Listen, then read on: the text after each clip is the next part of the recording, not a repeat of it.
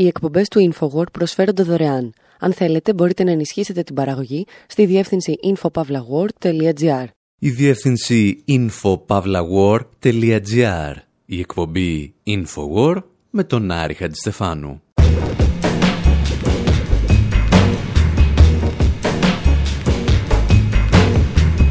Όπου σήμερα με αφορμή την απόφαση του Αριστοτελείου Πανεπιστημίου Θεσσαλονίκης να αναγορεύσει τον Διονύση Σαββόπουλο σε επίτιμο διδάκτορα του Τμήματος Φιλολογίας ακούμε μερικά ξένα τραγούδια που κάτι μας θυμίζουν αλλά δεν είμαστε και σίγουροι τι ακριβώς. Διηγούμαστε ιστορίες για μαύρους κουρσάρους που ερωτεύονται συνεφούλες. Υποπτευόμαστε με τη βοήθεια του Τζίμι Πανούση ότι στις φλέβες του Λου Ριντ έτρεχε κάτι περισσότερο από οικογενειακή θαλπορή και μια αίσθηση τάξης και ασφάλειας. Ακούμε αποσπάσματα από τη βίβλο σε τραγουδιά του Bob Dylan και ύστερα εντοπίζουμε σε αυτά αγγέλους και εξαγγέλους. Και ύστερα αλλάζουμε εντελώς θέμα Θυμόμαστε μια παλιά κουβέντα που είχαμε κάνει με τον οικονομολόγο Κώστα Βεργόπουλο το 2012. Συζητάμε για ιδιωτικά και δημόσια τρένα και όσα θα έλεγε για αυτά ο Μπίσμαρ. Αναρωτιόμαστε εάν αξίζει να δολοφονήσεις κάποιον χωρίς να κερδίσεις τίποτα από αυτό και αν η οικονομία έχει κάποια σχέση με το αστυνομικό μυθιστόρημα. Για αρχή όμως σας παραδίδουμε στα χέρια ενός μαύρου κουρσάρου.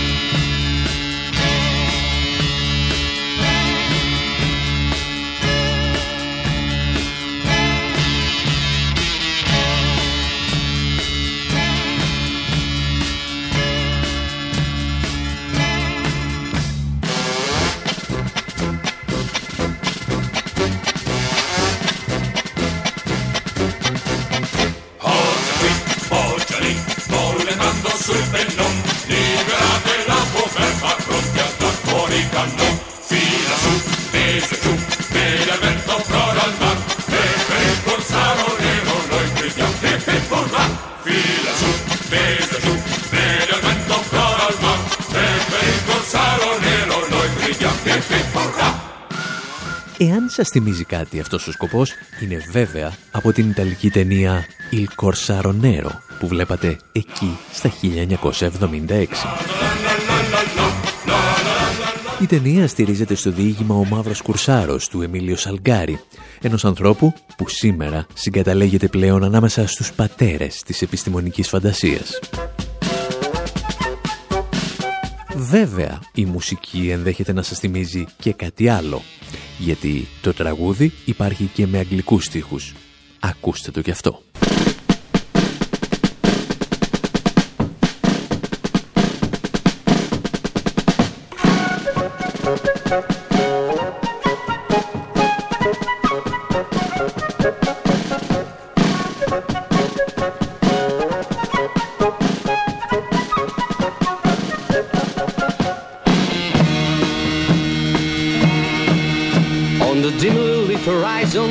The sun begins to rise, will a silhouette of mutiny behold?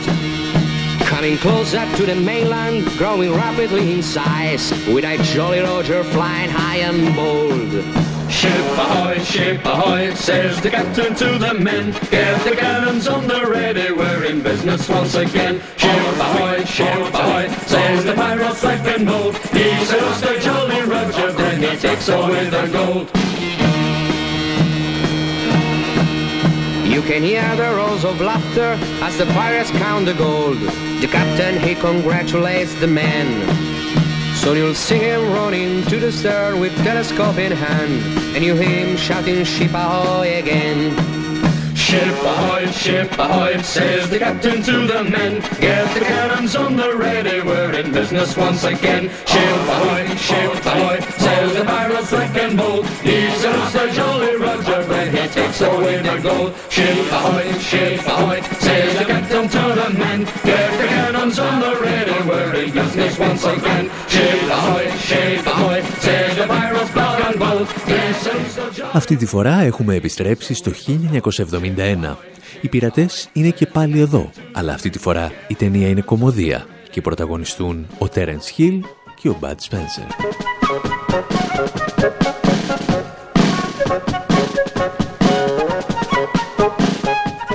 Αφού βρήκαμε λοιπόν τι σας θύμιζε αυτός ο ρυθμός, μπορούμε να σας δοκιμάσουμε και σε έναν ακόμη. Αυτή τη φορά φεύγουμε από τα σύννεφα και ανεβαίνουμε πιο ψηλά για να συναντήσουμε αγγέλους.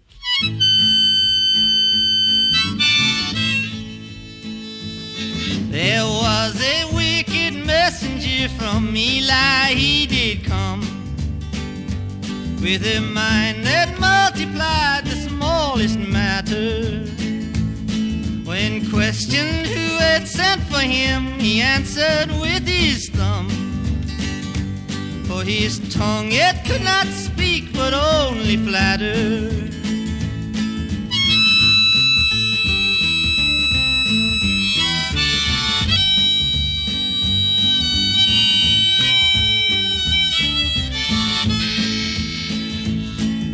Stayed behind the assembly hall, it was there he made his bed. Oftentimes he could be seen returning Until one day he just appeared with a note in his hand which read The soles of my feet, I swear they're burning Αυτή τη φορά λοιπόν σας φέραμε στα 1967 9 Νοεμβρίου και ο Bob Dylan ηχογραφεί το Wicked Messenger σε ένα στούντιο της Κολούμπια στο Νάσβελ. Όπως θα εξηγήσει μερικά χρόνια αργότερα ο μαρξιστής συγγραφέας Μάικ Μαρκίζ, οι στίχοι του τραγουδιού προέρχονται από τη βίβλο και συγκεκριμένα από τα λεγόμενα ιστορικά βιβλία της Παλαιάς Διαθήκης. Είναι μια περίοδος που ο Μπομπ Ντίλαν μελετά τις γραφές. Και όπως έχουμε εξηγήσει πολλές φορές θα τις θυμηθεί αρκετές δεκαετίες αργότερα όταν παίρνει μια επικίνδυνη δεξιά στροφή προς τον μυστικισμό όπως θα κάνουν δηλαδή και άλλοι καλλιτέχνες που τον αντέγραφαν σε όλη τους τη ζωή. Το Wicked Messenger πάντως θα μας δώσει ορισμένες εξαιρετικές διασκευές από δεκάδες άλλους καλλιτέχνες. Ανάμεσά τους η Patti Smith και το συγκρότημα The Faces. Εμείς όμως επιλέξαμε να ακούσουμε την εκτέλεση των Black Keys.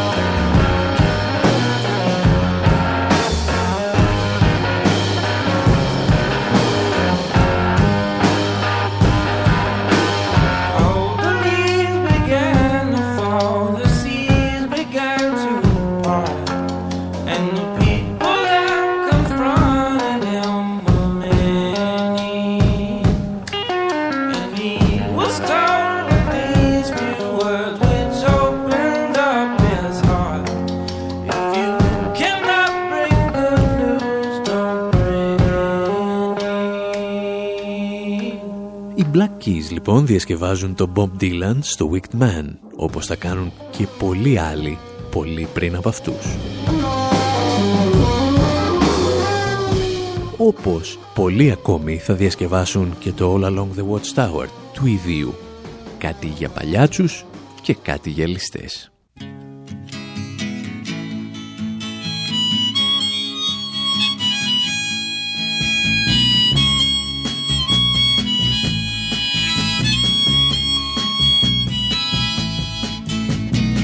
There must be some way out of here, said the joker to the thief. There's too much confusion, I can't get no relief. Businessmen, they drink my wine, plowmen dig my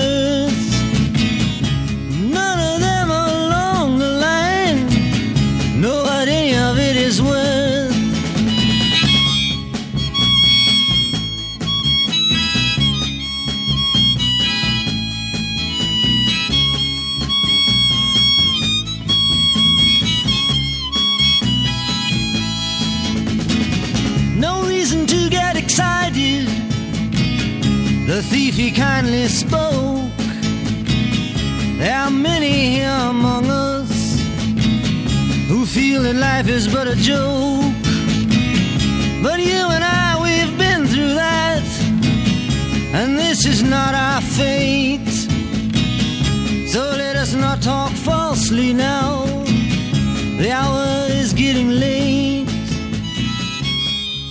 Ο Bob Dylan θα γράψει το All Along the Watchtower το 1967, αλλά δεν θα προλάβει να το χαρεί και πολύ. Ο Jimi Hendrix θα το διασκευάσει μόλις 6 μήνες μετά την αρχική του κυκλοφορία και με αυτή τη διασκευή το τραγούδι θα μπει στα 20 δημοφιλέστερα κομμάτια του 1968. Ο ίδιος ο Bob Dylan μάλιστα θα παραδεχθεί μερικά χρόνια αργότερα ότι η εκτέλεση του Hendrix ήταν καλύτερη από τη δική του.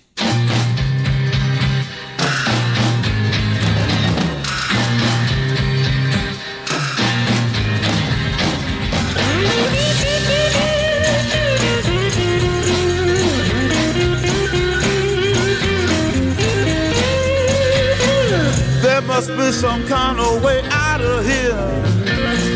Said a joker to the thief. There's too much confusion. I can't get no relief. Businessman there, drink my wine. Plowman,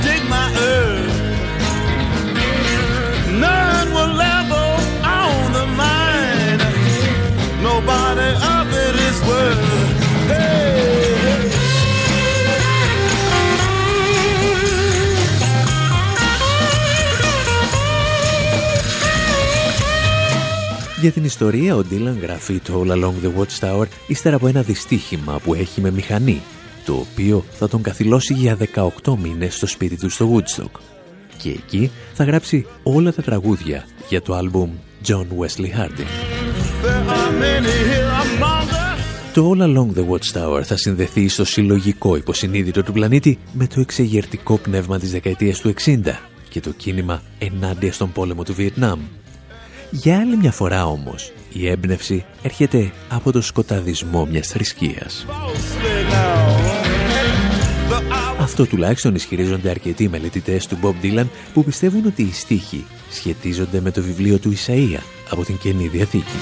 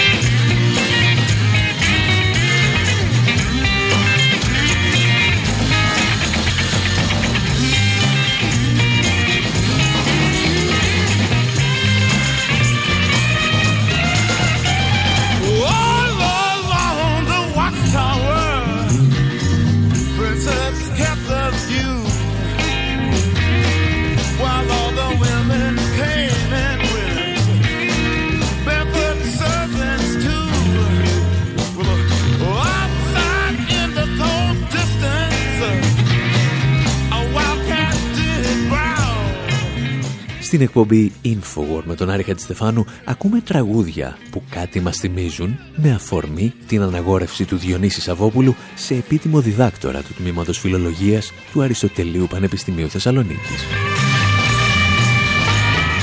Έμπνευσή μας για αυτή την εκπομπή αποτελεί ένα παλαιότερο κείμενο του Γιάννη Ανδρολιδάκη με τίτλο «Διονύσης Σαββόπουλος.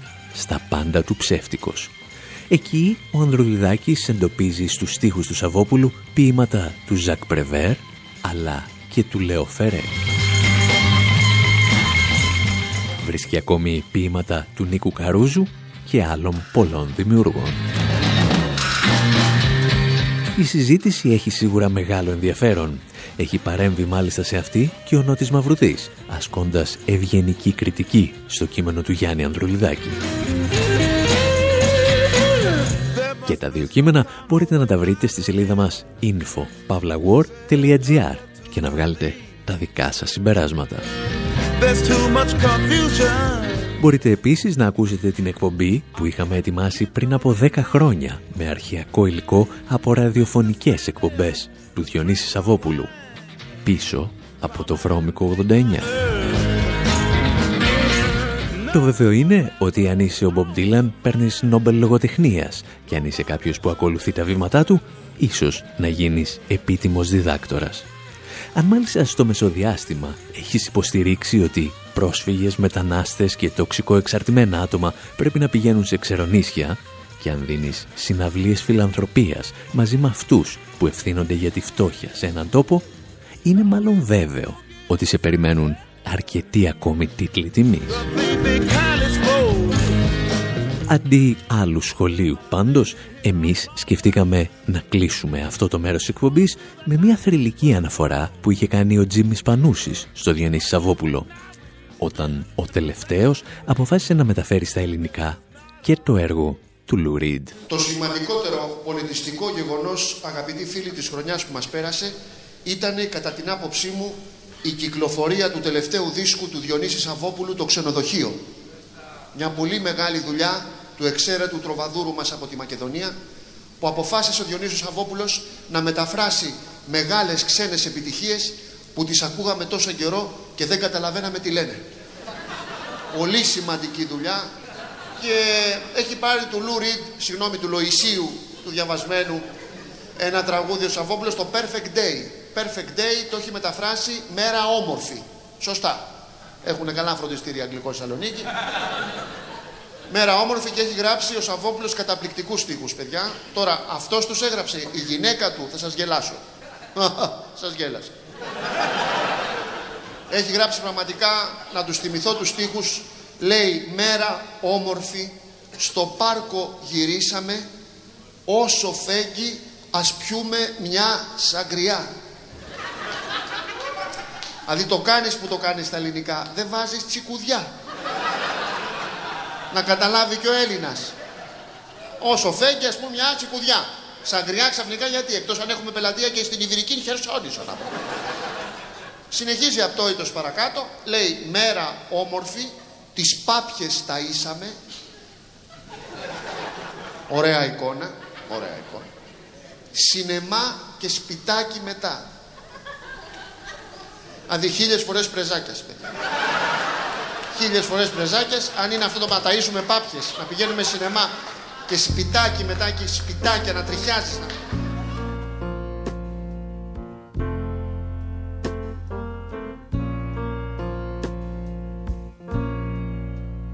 Just a perfect day.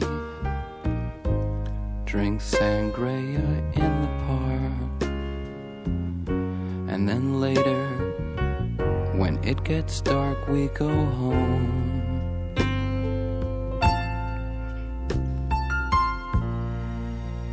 Just a perfect day. Feed animals in the zoo. Then later, a movie too, and then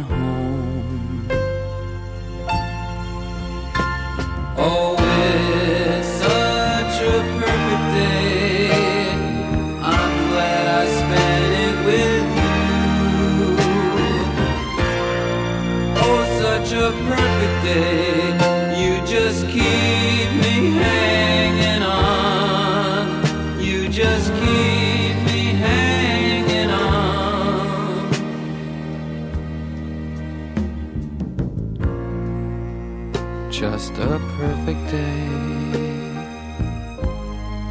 Problems all left alone. Weekenders on our own. It's such fun.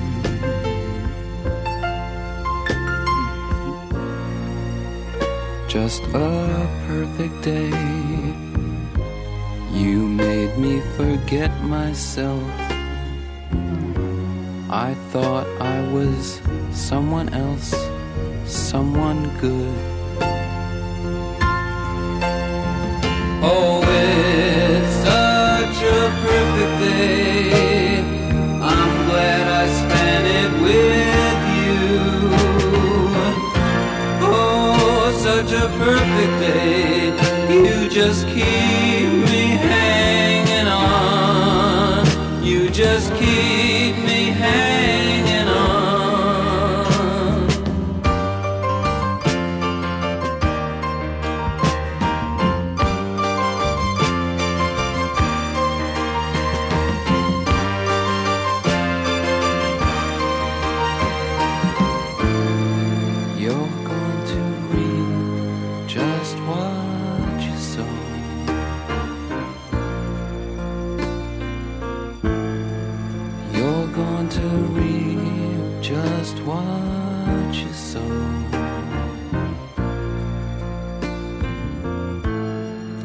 You're going to reap just what you sow.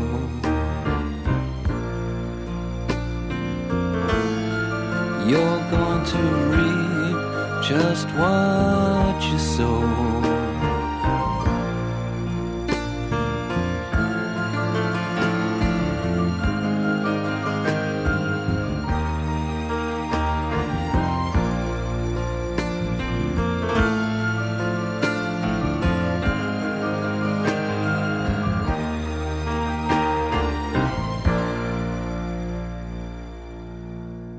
Οι εκπομπές του InfoWord προσφέρονται δωρεάν. Αν θέλετε, μπορείτε να ενισχύσετε την παραγωγή στη διεύθυνση infopavlagor.gr.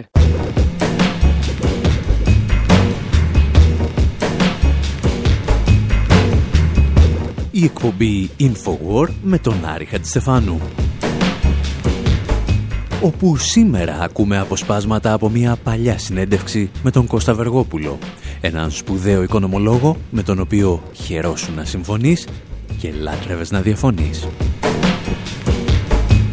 Τον ακούμε να μιλάει για θύματα χωρίς δολοφόνους ή δολοφόνους που σκοτώνουν τον εαυτό τους. Συζητάμε μαζί του για τον Bismarck και γιατί ακόμη και ένας τέτοιος αυταρχικός ηγέτης δεν θα ιδιωτικοποιούσε ποτέ τους ελληνικούς σιδηρόδρομους και υποπτευόμαστε ούτε και τα αεροδρόμια. Ακούμε διαφορετικές αλλά πάντα ενδιαφέρουσες σκέψεις για το ευρώ και το αν και πότε θα έπρεπε κάποιος να αποχωρήσει από αυτό. Θυμόμαστε δηλαδή διαχρονικές ιδέες από μια κουβέντα που κάναμε πριν από μερικά χρόνια.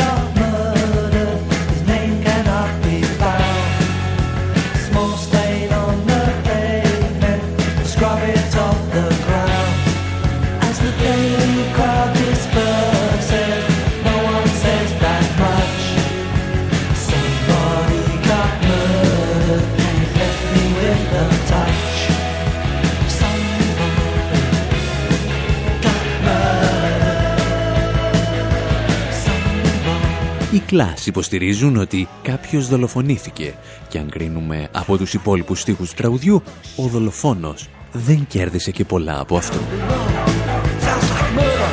Θυμηθήκαμε αυτή την ιστορία ξεφυλίζοντας και πάλι το βιβλίο του Κώστα Βεργόπουλου «Ανάρμοστη σχέση» και εκείνη την μικρή πρόταση στο οπισθόφυλλό του Μαύρο αστυνομικό έργο η σχέση Ελλάδας-Ευρώπης. Ατμόσφαιρα δηλητήριο, εκατόμβες ανθρώπινης καταστροφής, θρίλερ και suspense με κομμένη ανάσα. Ο θάνατος παραμονεύει παντού. Ήταν μια οικονομική ανάλυση η οποία μετατράπηκε σε ένα είδος αστυνομικού μυθιστορήματος με εκατομμύρια θύματα αλλά και πάρα πολλούς δολοφόνους.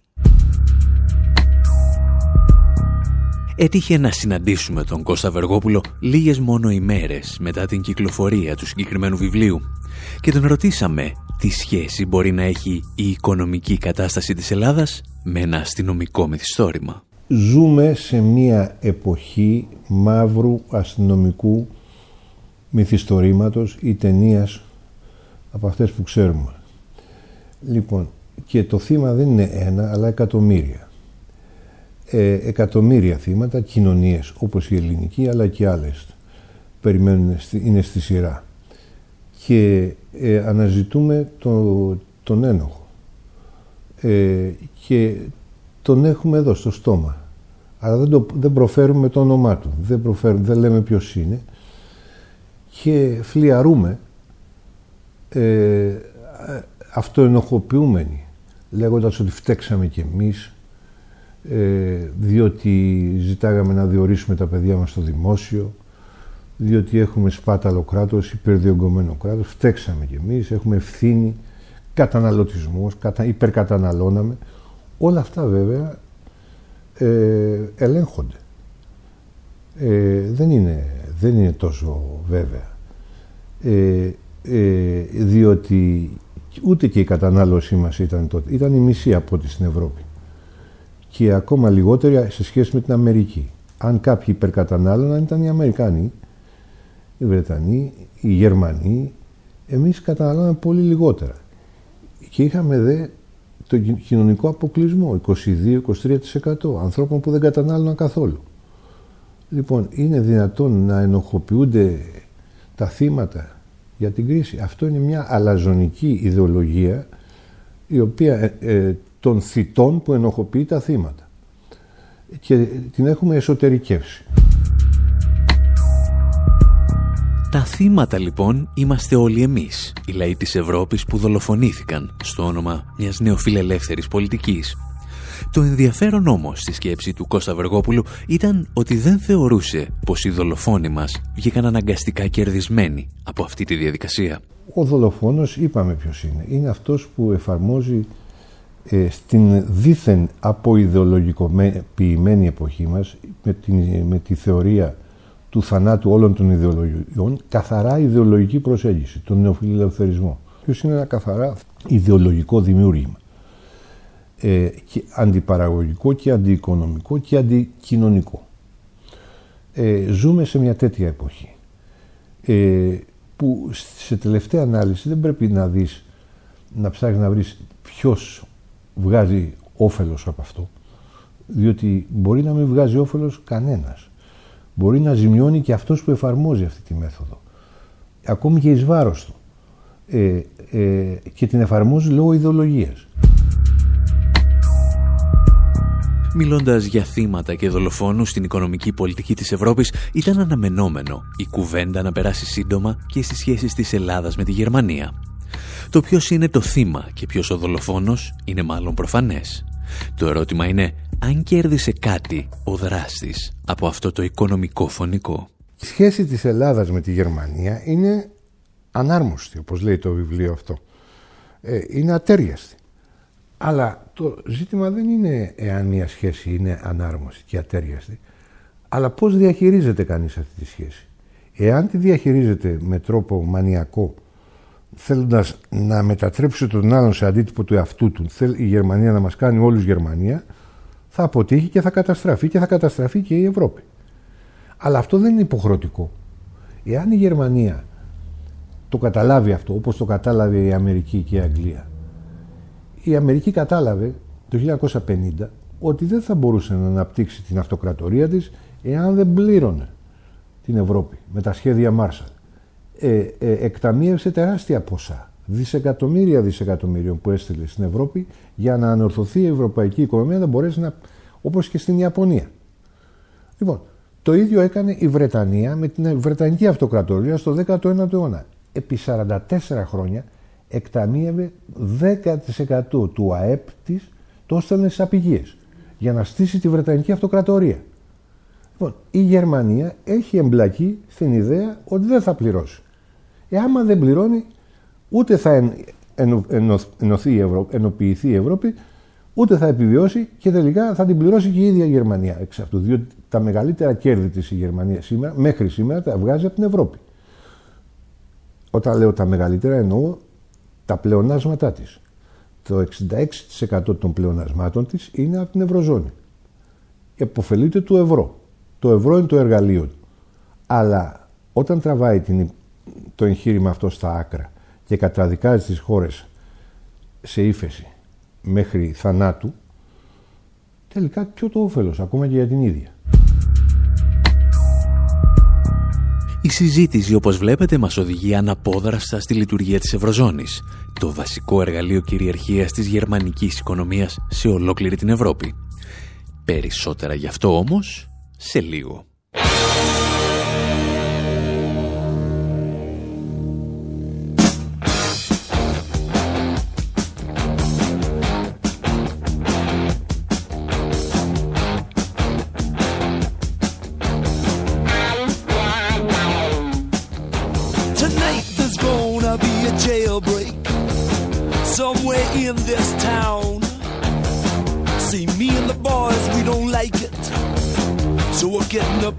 down.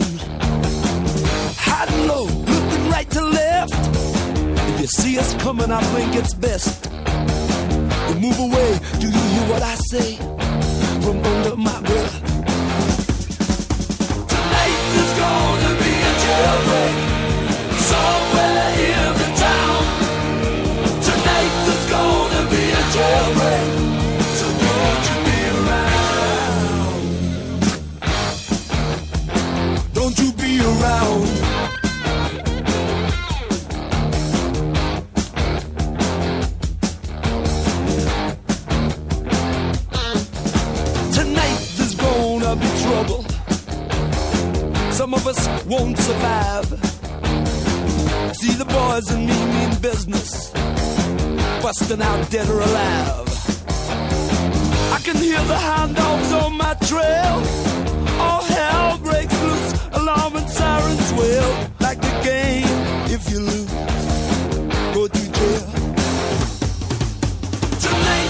Στην εκπομπή Infowar με τον Άρη Χατζηστεφάνου ξεθάψαμε από το αρχείο μας μια όχι και τόσο παλιά συνέντευξη με τον Κώστα Βεργόπουλο.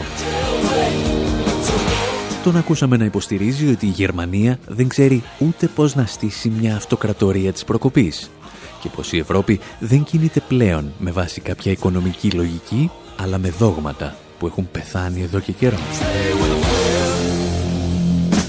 Ο παράγοντας κλειδί σε όλη αυτή τη διαδικασία είναι φυσικά το ενιαίο νόμισμα.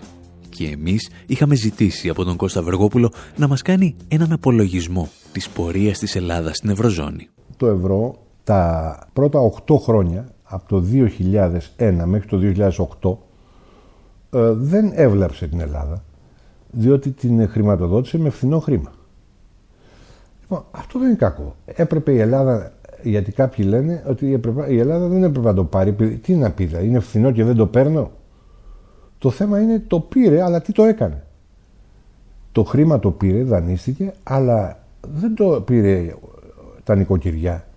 Δεν το πήραν οι εργαζόμενοι. Το πήραν τα λαμόγια. Ε, τα οποία σήμερα εξαιρούνται από τις θυσίες. Οι θυσίες ζητούνται από αυτούς που δεν πήραν το χρήμα που δεν ε, μετήχαν στο πάρτι να πληρώσουν τα σπασμένα για αυτούς που έκαναν το πάρτι και οι οποίοι παραμένουν στο απειρόβλητο. Όπως ίσως υποπτεύεστε, η διαφωνία με τον συνομιλητή μας για το εάν η Ελλάδα θα έπρεπε να παραμείνει στο ευρώ δεν άργησε να φανεί. Ο Κώστας Βεργόπουλος υποστήριζε ότι η Ελλάδα δεν έπρεπε να φύγει από τη ζώνη του ευρώ, τουλάχιστον όχι άμεσα. Ο ίδιος όμως έκανε και μια πολύ ενδιαφέρουσα παρατήρηση. Πιστεύω ότι προτού η Ελλάδα χρειαστεί να αποχωρήσει από το ευρώ, θα έχει διαλυθεί το ίδιο το ευρώ. Δηλαδή αυτό είναι πιθανότερο το να διαλυθεί το ευρώ από το να βγει η Ελλάδα από το ευρώ. Διότι με τον τρόπο που φέρεται η Γερμανία θέτει σε κίνδυνο την διατήρηση και την επιβίωση του ευρώ. Ε, διότι αυτό που κάνει δεν το κάνει μόνο εναντί της Ελλάδος, το κάνει και εναντί των άλλων χωρών. Και βάζει βόμβα στα θεμέλια του συστήματος. Αυτή είναι η πραγματική ορολογιακή βόμβα. Η λιτότητα που επιβάλλει σε όλες τις χώρες και στον ίδιο της τον εαυτό και εξωθεί ολόκληρη την Ευρωζώνη στην ύφεση. Πάει προς το κάτω του μηδενός. Αυτή είναι η ορολογιακή βόμβα. Ο λόγος για τον οποίο είχαμε συναντήσει τον Κώστα Βεργόπουλο εκείνο το χειμώνα του 2012 δεν ήταν ούτε το ευρώ, ούτε η πορεία της ευρωπαϊκής οικονομίας. Ετοιμάζαμε ένα μίνι ντοκιμαντέρ για την Πανελλήνια Ομοσπονδία Σιδηροδρομικών εναντίον των ιδιωτικοποιήσεων. Και οι ιστορίες που είχε να μας διηγηθεί ήταν συναρπαστικές. Θα τις ακούσουμε ύστερα από αυτό.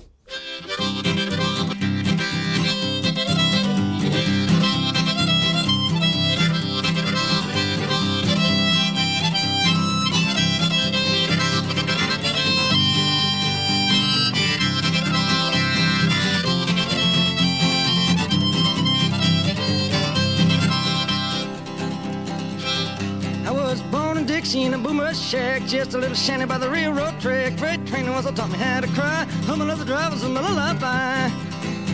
I got the freight train blues.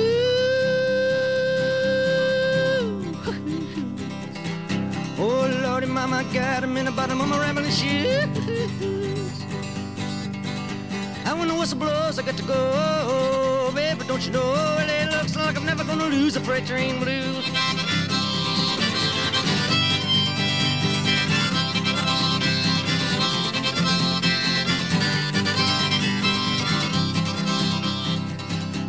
My daddy was a farmer and my mama, yeah, she was the only daughter of the engineer. My sweetheart loved the brakeman and it ain't no joke. It's a shame the way she keeps a good man broke.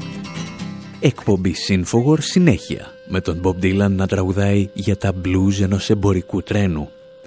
Και αυτό περίπου ήταν το θέμα για το οποίο είχαμε συναντήσει τον οικονομολόγο Κώστα Βεργόπουλο το 2012, στο σπίτι του στην Αθήνα. Ήταν η εποχή που δινόταν μία από τις μεγάλες μάχες ενάντια στην ιδιωτικοποίηση των ελληνικών σιδηρόδρομων. Κάτι για το οποίο ο Κώστας Βεργόπουλος έλεγε ότι είναι όχι μόνο απαράδεκτο, αλλά και οικονομικά ηλίθιο. Αυτό το ζήτημα, μας εξηγούσε, το είχε λύσει ακόμη και ο Ότο Φον Μπίσμαρκ. Αυτό το θέμα έχει επιληθεί από το 19ο αιώνα κιόλα. Δεν χρειάστηκε να ο 20ος. Ο πρώτος που το επέλυσε ήταν ο Μπίσμαρκ στη Γερμανία με τον αυταρχικό τρόπο. Ε, αποφάσισε ότι χρειάζεται κοινωνική συνοχή, κοινωνικό κράτος και κοινωνικά μέσα μεταφοράς. Τα, τα, οι συγκοινωνίες είναι, είναι ε, εργαλείο κοινωνικής συνοχής. Αυτό δεν το αποφάσισε για λόγους ανθρωπιστικούς, διότι ήταν απολυταρχικός ε, δυνάστης ο Μπισμάρ. Αλλά το αποφάσισε για λόγους ε, οικονομικού συμφέροντος της Γερμανίας. Αυτό επαναλήφθηκε μετά με τον Ρούσβελτ στο 1935 στις Ηνωμένες Πολιτείες και μετά πέρασε στην Αγγλία και στην υπόλοιπη Ευρώπη με τα πολεμικά. Λοιπόν, ε, δεν έγινε, επαναλαμβάνω, όταν λέμε κοινωνική συνοχή δεν είναι για ανθρωπιστικούς λόγους, αλλά είναι για οικονομικούς λόγους. Για να μπορεί να λειτουργήσει το οικονομικό σύστημα.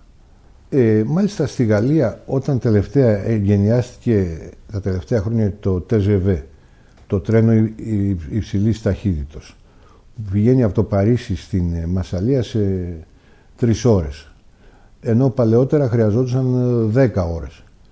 Θεωρήθηκε ότι είναι κατάκτηση εθνικής ολοκλήρωσης. Οι δημόσιες συγκοινωνίες λοιπόν θεωρούνταν αυτονόητες στην Ευρώπη από την εποχή του Otto von Bismarck και όσοι τόλμησαν να αμφισβητήσουν αυτή τη συνταγή, όπως έκανε η Μάρκρετ Θάτσερ, απλώς δημιούργησαν χάος στα μέσα μαζικής μεταφοράς. Όταν εδώ στην Ελλάδα συζητάμε να ιδιωτικοποιήσουμε τους σιδηροδρόμους έχουμε μείνει σε πολύ παλαιά ατζέντα. Διότι έχουμε ήδη περάσει από την εμπειρία των αποκρατικοποιήσεων η οποία έχει αποτύχει, οι οποίες έχουν αποτύχει. Και τώρα η καινούργια ατζέντα είναι στο πώς θα αποκαταστήσουμε, πώς θα διορθώσουμε τις αποτυχίες. Και η μόνη λύση είναι να τις αναλάβει το κράτος ή οι επιχειρήσεις, οι επιχειρήσεις με δημόσιο χαρακτήρα εννοώ. Η συζήτηση για τις ιδιωτικοποιήσεις άγγιξε και μία ακόμη ευαίσθητη χορδή. Την άποψη ορισμένων ότι μία χώρα μπορεί να ξεφύγει από την κρίση χρέους ξεπουλώντας τα ασημικά της και επιβάλλοντας ταυτόχρονα μέτρα λιτότητας.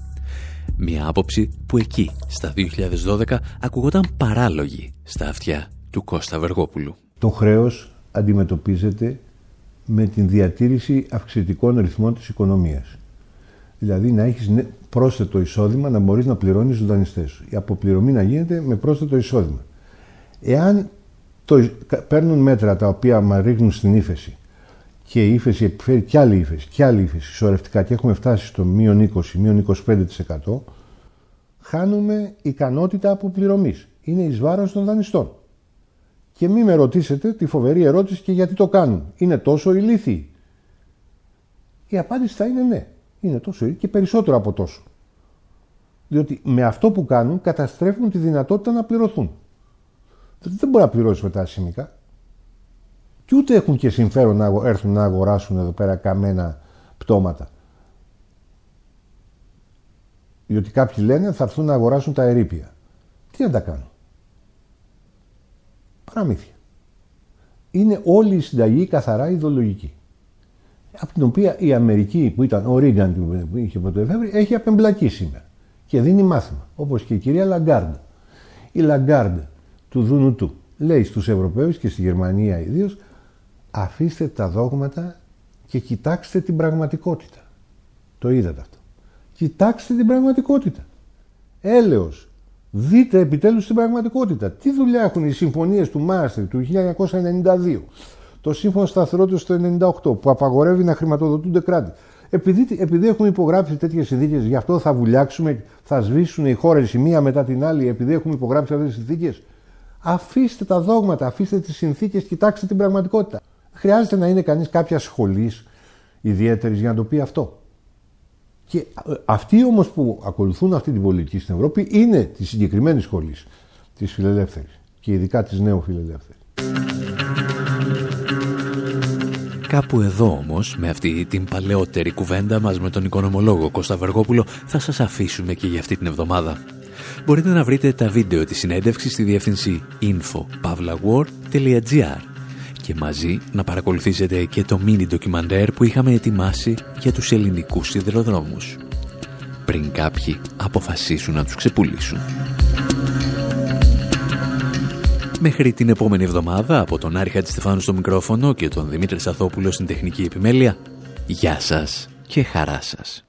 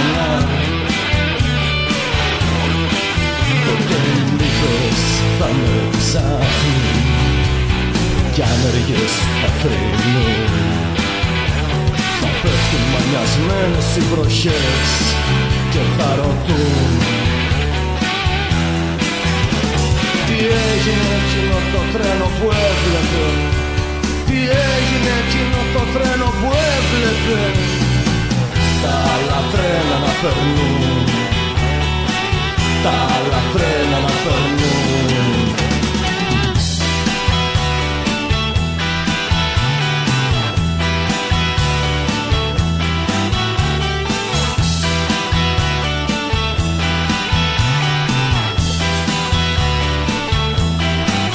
Όταν θα έρθεις Να με ξεδάψεις απ' τις τάχτες διώξεις από πάνω μου Όλη τη σκουριά. Και ξαναβάλεις Τις ρόδες μου σε ράγες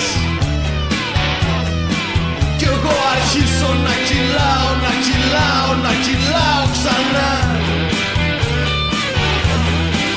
Ποτέ οι λύπες θα με ψάχνουν Κι άνεργες θα θρυνούν Θα Πέφτουν μανιασμένες οι βροχές και θα ρωτούν Τι έγινε εκείνο το τρένο που έβλεπες; Τι έγινε εκείνο το τρένο που έβλεπες; Τα άλλα τρένα να περνούν. Τα άλλα τρένα να περνούν.